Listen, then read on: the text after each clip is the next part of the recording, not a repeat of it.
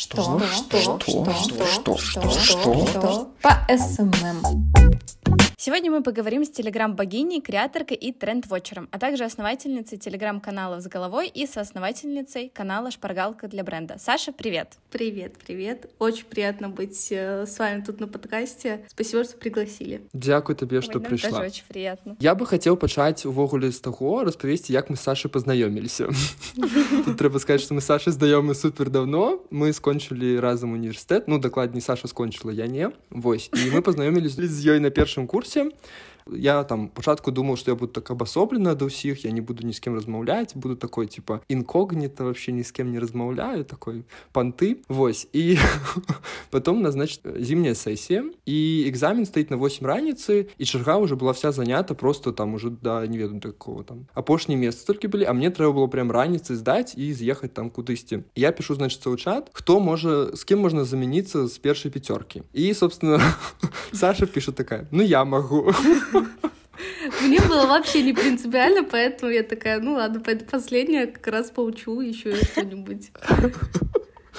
Так я даведаўся першае імя ў нашай групе праспаў гады вучобы у гэтым э, універсітэце Да, я вот помню точно, что ты всегда сидела на первой партии и обычно ни с кем не общался. И потом вот, когда мы познакомились поближе, уже ты с нами как-то, с нашей компашкой начал общаться. И я помню еще, что про зубы мы как-то сошли, что у нас в одно время что-то там О, да. заболело.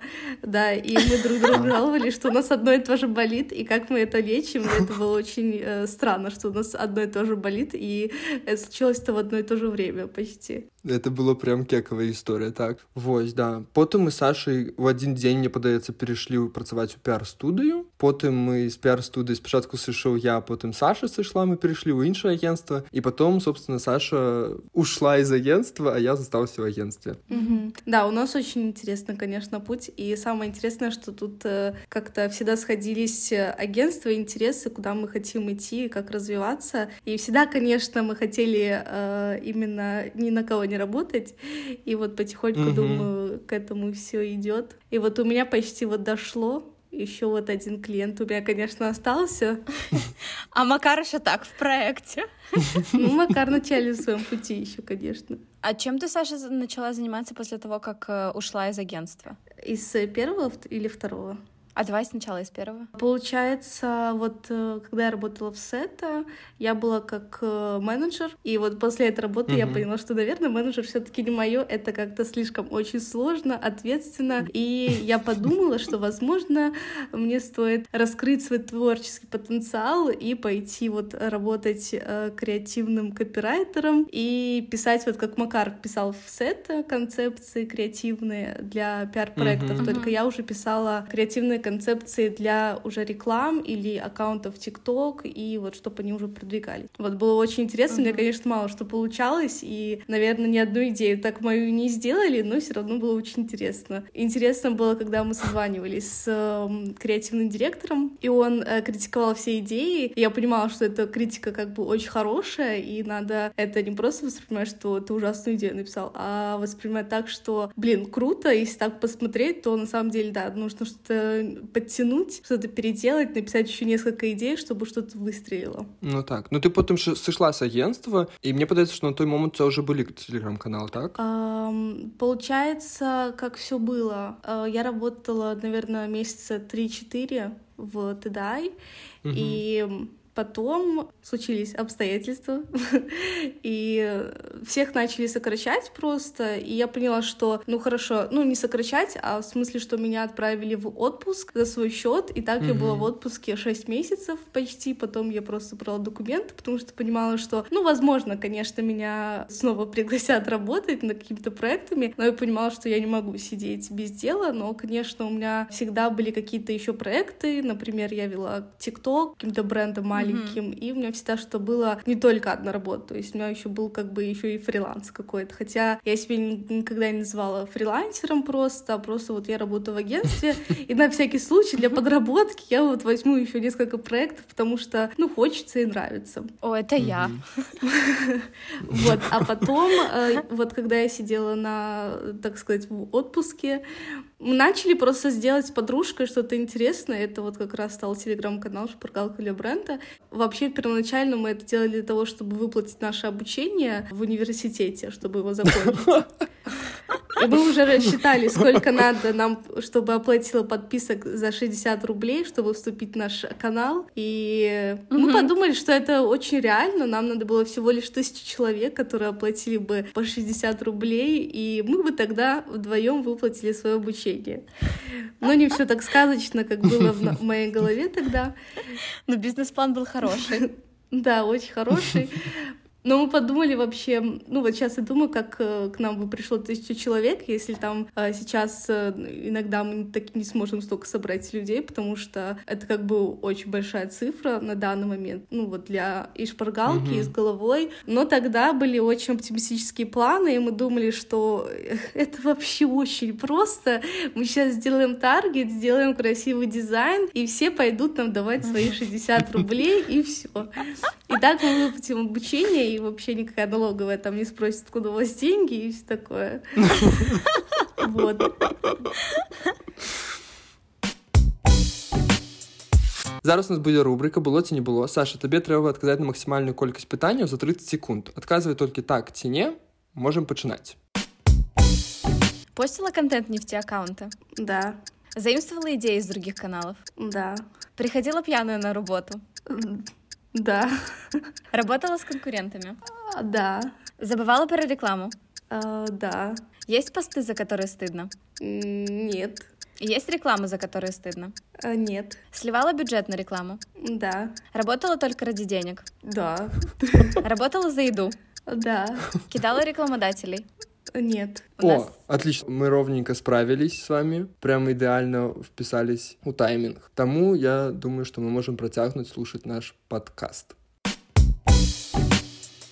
Я хочу еще отзначить, что у Саши первый ее проект в Гугле это был, как это назвать, мини-крама паштовак, так? Угу. Это твой был первый такой креативный проект особливый. Может быть, про его пару слов скажи. Да, вот, кстати, он э, нам принес первый бюджет в шпаргалку. Мы первый раз вот угу. подумали создать тоже с подружкой. Просто открытки. Я тогда еще как раз проходила курсы по рисованию, хотела тогда еще рисовать игры э, для рисовать рисунки для игр. О, я памятаю эту да, историю. и тогда я купила себе планшет графический и думала, все, сейчас научусь рисовать. В итоге э, курс реально пригодился, потому что я научилась что делать в э, фотошопе, именно рисовать. Интересно было. Mm-hmm. Вот, и мы mm-hmm. начали рисовать какие-то рисуночки прикольные, потом начали печатать открытки. И на Новый год, конечно, мы продали открытки, но, конечно, не очень много прям. Но первый вот наш Новый год, не помню сейчас цифрах, ну, по-моему, только пару человек незнакомых купил, остальные все знакомые. И это, наверное, угу. у всех, наверное, так начинающих каких-то ребят, которые занимаются своим э, новым делом. Первое, что это будет, угу. это ваши знакомые, которые с радостью вас поддержат и вот купят наши открытки. Ну так. Я памятаю, что я три набыл. А решили закончить, потому что, ну, именно не было хороших продаж? Или уже из-за того, что решили переключаться полностью на эм, телеграм-каналы? Ну вот мы первый Новый год отвели, потом еще несколько праздников, потом еще сделали э, еще один Новый год, то есть мы распечатали уже большую партию, а потом мы поняли, что просто очень много я рисовала, потом это надо было все распечатать, потом это надо было все продвигать, и очень много действий, а выхлопа очень мало. Ну наколькі я ведаю грошы якія вы зарабілі з казаткі вы ўклалі цалкам у свой першы канал шпаргалку да получается у нас там было около 100 долларов отложенных но вот мы что хорошо наверное мы не забирали никогда деньги себе из касатки и потом у нас был еще один мини-бренд а, назывался Харинг там мы продавали колечки О, просто начали продавать тоже сделали клевый брендинг клевые фотки в студии и это наверное самая любимая наша часть это создать какой-то нейминг э, для бренда, потом создать логотип, потом сделать визуал, и на этом все, потому что дальше начинается самое сложное. И вот хорошо, что в шпаргалке мы не остановились, а вот продолжили, но на Харинге, да, это все пошло. Не в ту сторону, и все.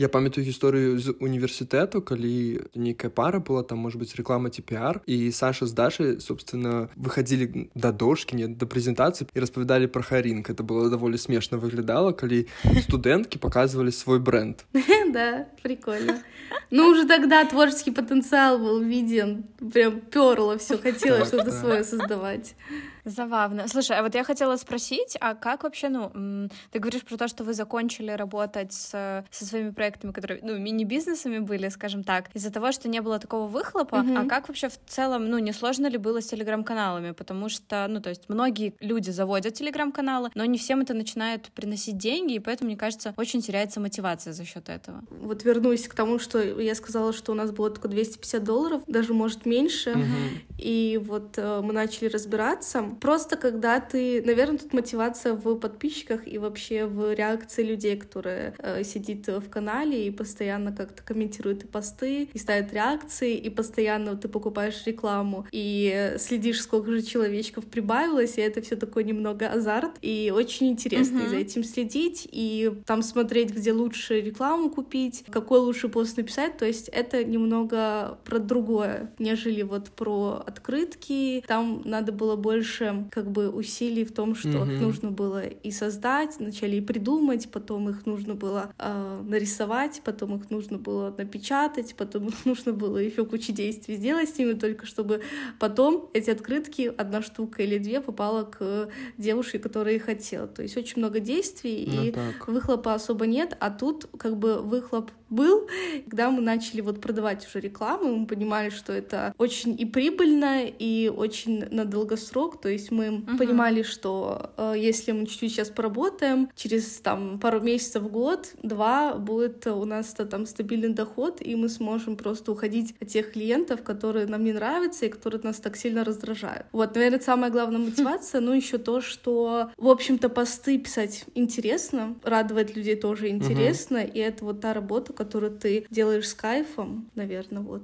Не, конечно, круто. Это вот я хотел запытать про то, что вот глядзі то есть на першых порах ты кажешь, что вы не зарабляли и я памятаю что там реально вы все откладывали откладывали откладывали. Ну да полгода мы вообще ничего не брали. Вось як ты паўгады вы вытрымлівалі тое што как бы гэта вам нічога не прыносіць і потым пытанне яшчэ з этого выцікаючы тому что я ведаю что ты на фрилансе падпрацоўвала так рабіла там для розных брендаў як ты потом вырашыла сысці от этих кліентаў ну то есть распрощаться з імі тратить эту стабільнасць і перейти вось такое вольное плавание свой бізнес ну тут просто начинаешь думать что просто невыгодно то есть когда ты работаешь э, с брендом за там какую-то сумму ты понимаешь что за продажу рекламу выйдет почти почти такая же сумма, ну или половина. Вот, угу. ты просто понимаешь, что лучше нам сделать сейчас упор на канал и уже там делать контент качественнее, а не работать вот на клиента. Ну, ему уже делать лучше.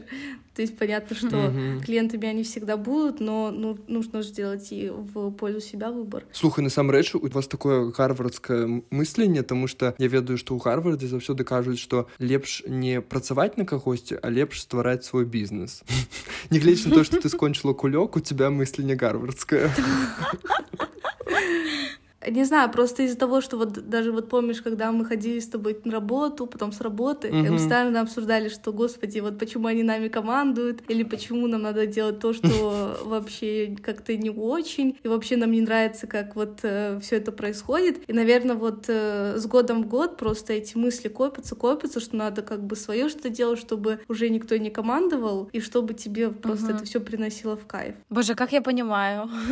Ну, ну это все со временем, потому что, ну, у меня, даже вот у нас, мы же сначала с Дашей начинали, потом я просто сделала уже свой канал. Это все было так, что нужно написать пост, ты пишешь, просто это уже идет как обязательное действие в твоем дне. То есть ты не можешь там ничего не выставить, потому что ты понимаешь, что просто там или про тебя забудут, или еще что-нибудь, или там будут две рекламы подряд, что тоже не очень mm-hmm, хорошо. Ну, ну и просто это со временем приходит в привычку. А вот работа с клиентами, конечно, они всегда будут и писать, и надоедать. Даже какой бы этот клиент не был идеальный, то все равно, не знаю, возможно, есть другие люди, нельзя судить только по себе, конечно, но меня это очень напрягало, поэтому вот через полгода вот мы смогли сделать себе фиксированную зарплату в шпаргалке, и уже была больше мотивация делать посты интересные, больше расти, вот. Ты зараз ад усіх кліентаў адмовілася ад усяго фрылансу, правільна? Э, осталась одна, мы ведем с Дашей SMM э, Инстаграм именно э, блогера Саши Буримовой. Вот ее угу. школу именно. Угу. От нее мы не отказываемся. Думаю, еще не скоро откажемся, потому что с ней очень интересно работать можем очень много чего нового от нее узнать и еще поучиться, поэтому я думаю, эта работа не просто как про работу, а как про какую-то учебу и насмотренность, что ли. То есть я думаю, что сейчас uh-huh. в данном периоде эта работа мне нужна не просто из-за ради денег, а из того, что это другое общение, другие люди и другие вообще знания. Слухай вось мне падаецца вельмі важна калі вось ты працуеш з нейкімі брэндамі ці ў агенстве каб у тебя был патэнцыял роста. То бок напрыклад чалавек на якога ты раўняешься там альбо кліент які дае тебе сапраўды новыя веды. Потому что калі не няма такой вот лідера так за якім ты вот хочаш быць на яго падобен. І на сваёй першай працы как бы у меня было шмат стрэса але зараз разумею что я ўсяму навучыўся менавіта ад свайго першага кіраўніка. То есть стрэса было реально шмат да. но я просто как бы прайшоў гэту школу жыцця там за 11 12 месяцаў і зараз як спакоен як як кто там кажуць ну короче спокоен вообще заўсёды это круто. Мне кажется, деле, да. что после этого подкаста мы просто с Макаром такие, так, все, надо что-то делать, развиваем максимально подкаст, развиваем телеграм-канал, заряжены, замотивированы. По поводу телеграм-каналов, Саша, скажи, пожалуйста, а есть какие-то вот именно особенности Телеграма как площадки? То есть чем он э, отличается кардинально от Инстаграма и ТикТока? Ну, начнем, наверное, с того, что это все-таки как мессенджер используется. Uh-huh. Если uh-huh. у нас социальная сеть э, Инстаграм, то мы там подписаны на миллион людей, на миллион брендов, и постоянно в ленте каждый пользователь борется за то, чтобы быть впереди э, всех, то есть первым самым в ленте, то в Телеграм Telegram все приходит в тебе в личные сообщения, грубо говоря, и ты всегда можешь быть на виду. То есть, если ты завлечешь uh-huh. просто каким-то заголовком, либо же там просто привлечешь своей аватаркой, либо же, если говорить про рекламный пост, то тоже можно привлечь внимание, до тебя подпишутся, и ты просто постоянно будешь мелькать чаще, чем, например, в Инстаграме. И то, что там uh-huh. посты э, люди читают, или же, если это кружочки, то смотрят, то больше, наверное, проникаются люди, чем если в Инстаграме. То есть там очень много людей, в принципе, в Инсте подписаны друг на друга, и очень много, так сказать, мусора. Если даже не мусор, но uh-huh. все равно очень uh-huh. много чего. А в Телеграме многие подписываются тоже на миллион каналов, и тут нужно тоже побороться э, над э, тем, чтобы быть в первом строчке, чтобы зашли в твой канал, но периодически люди, когда им скучно, они могут просматривать всю свою ленту, и тогда охваты набираются, то ну есть ну, каждый пост могут посмотреть, так и рекламные, так и обычные, и когда-нибудь человек-то зайдет и вот посмотрит и заинтересуется слухай насамрэч цікава А вось глядзі ну то есть в нстаграме ёсць нейкае разуменне таго что там калі 10 тысяч подписчиков так то лайкаў павінна быць там прыкладна 2000 там альбо там калі 10 каментарыев ёсць уже добра там напрыклад так а вот для телеграма ёсць нейкі такія там проценты нейкія альбо нормы альбо ну там прыемлемая норма что вот там канала 100 тысяч подписчиков і яго праглядаў там вот 20 тысяч это нормы ці не Есть. Получается, когда мы смотрим, когда мы покупаем рекламу какого-то канала, мы должны посмотреть на показатель IR э, в телеметрии uh-huh. оно есть. Uh-huh. И этот показатель показывает нам э, соотношение вообще, сколько человек просмотрело пост за какой-то период. То есть, э, если это накрученный канал, то там будет плохое соотношение. Если это вообще там нулевой канал, тоже будет плохое. И надо искать что-то среднее. Вот, у нас вот в моих каналах там больше 20%, то есть людей смотрит, и, в общем-то, хороший mm-hmm. показатель. Вот если в шпаргалке там за сутки может набраться 3000 просмотров, то с головой может набраться, ну, конечно, там два раза больше аудитории, но там может до 5 доходить mm-hmm. тысяч человек. А телеметрия — это некий сайт, или что? Да, это сайт, где есть все каналы, ну, ладно, не все прям, но многие каналы, которые вот набирают аудиторию, и там можно искать э, каналы на рекламу, там есть и стоимость, и статистика. Угу. То есть, да, очень удобный сервис, чтобы вообще искать какие-то каналы. Цікаво, насамрэч. Да, э, действительно интересно, и есть какие-то сходства, но при этом есть и кардинальные отличия.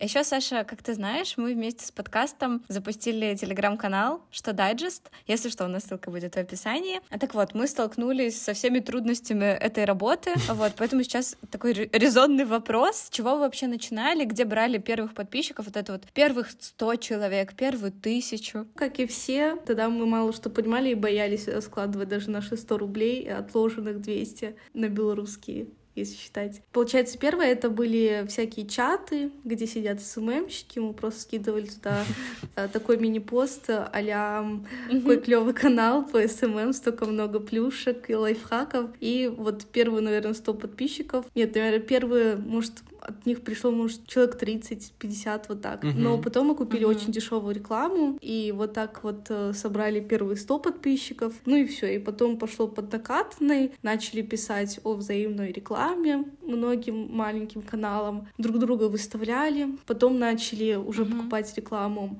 по чуть-чуть, начинали с самых низов, то есть самых дешевых, угу. искали где повыгоднее, и так начали собирать. Потом в какой-то момент у нас взяли рекламу, тоже не за очень дорого, я даже не знаю, сколько это было, может, за 10 рублей, за 15 по-нашему, по-белорусски. Вот. И уже эти деньги снова начали вкладывать в шпаргалку, и так как комом просто все полгода пошли вкладываться именно в рекламу. А сколько зараз у вас коштує реклама? В шпаргалке 6 тысяч российских рублей.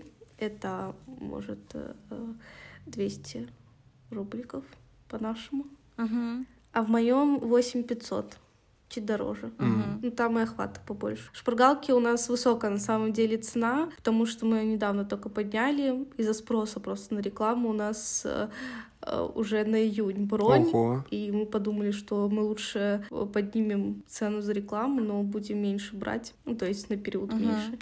Угу. А правильно я разумею, што асноўны механізм прасоўвання тэлеграм-каналах гэта реклама ў іншых тэлеграм-каналах ці у вас есть нейкія іншыя механізмы ну мы работаем через рекламу и в инстаграме работали через таргет но основной, да, угу. у нас, в общем-то, мы всегда закупали именно в телеграм-каналах.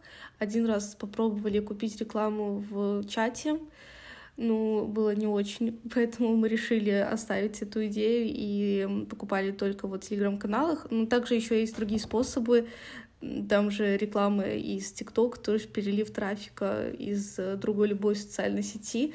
То есть все это можно использовать, не обязательно покупать рекламу в телеграм-каналах. Но тогда казалось, что это самый действенный способ, потому что если человек сидит в Телеграме, то ему проще перейти а, в Телеграм-канал, если он, ну, то есть ему не надо выходить из приложения, он сразу перешел, посмотрел. Ну, так. Если ему понравилось, он быстро подписался, если нет, он вышел, все дальше пошел. Но э, реклама и в Инстаграме тоже хорошо работала, то есть э, если людей заинтересовать, они не поленятся переходить в другую социальную сеть, если им что-то нужно. Угу. То есть такие тоже можно приемы использовать, но мы их э, мало использовали, потому что вообще с таргетом мало работали, и это так только потыкали, потыкали, если получилось, то ура, хорошо. Но нужно было бы, конечно, этим серьезно заняться.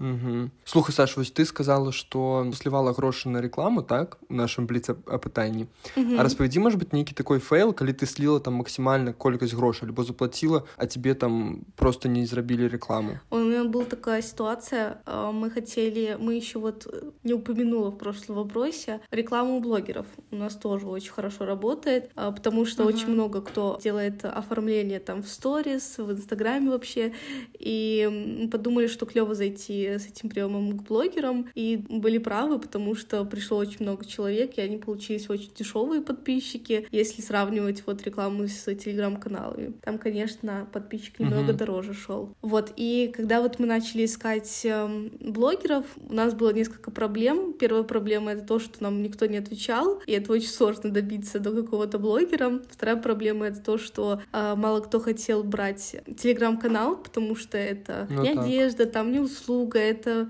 телеграм-канал, который, возможно, будет интересен, но, возможно, нет. То есть мало кто соглашался вообще на такую авантюру, взять такой телеграм-канал угу. в рекламу. Но одна девушка э, согласилась, и тогда не очень дорого стоила реклама, 5000 России.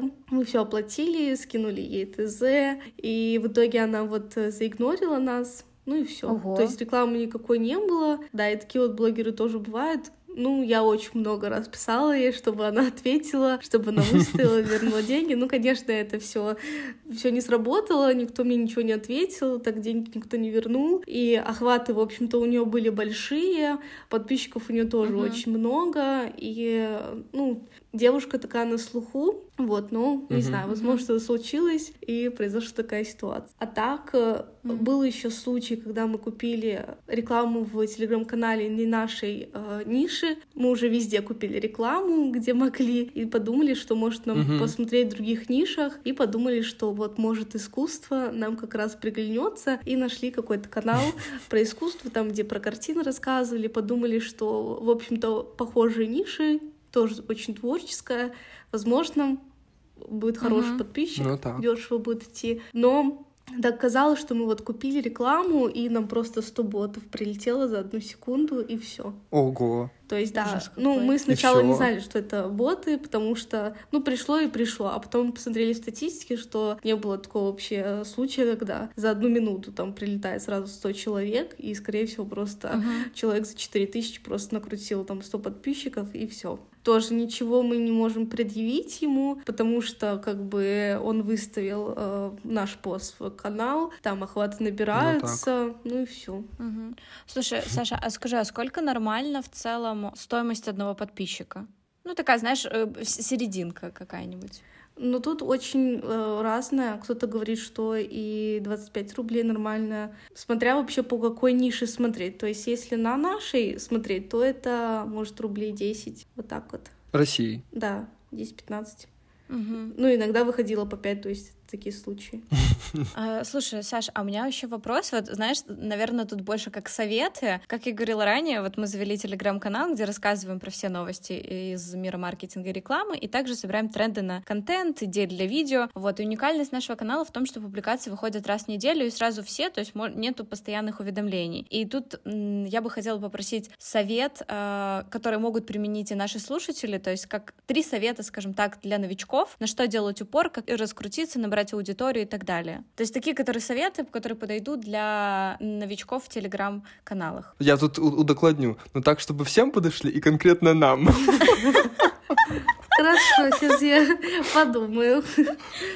Так, ну первое, это, конечно, оформить канал, то есть э, должна быть красивая какая-то картинка стоять, именно как логотип, но у вас все хорошо с этим. Можете быть спокойны. А потом э, нужно его оформить, именно если использовать навигацию, то, конечно, в закрепе это написать обязательно, и в закрепленном сообщении вообще написать, про что это канал, потому что когда а, человек зайдет, если он не поймет суть канала, то есть э, по последним постам, а, то, скорее всего, угу. он тыкнет на закрепы и посмотрит э, вообще про что канал, зачем его создавали.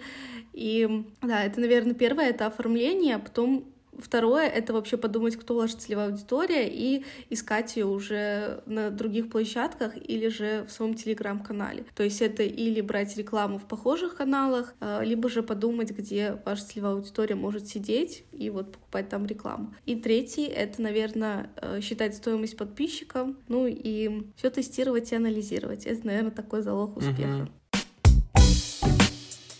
Саша, вот а твой второй телеграм-канал, он полностью посвящен вообще созданию видеоконтента, идеям для Reels, ТикТока. Можешь поделиться, пожалуйста, откуда ты вообще черпаешь вдохновение? То есть где ты ищешь референсы, идеи? Наверное, у тебя там просто 100 э, подписок в ТикТоке, 100 подписок в Инстаграме. Там побольше немного в ТикТоке, может, 600 э, или 700.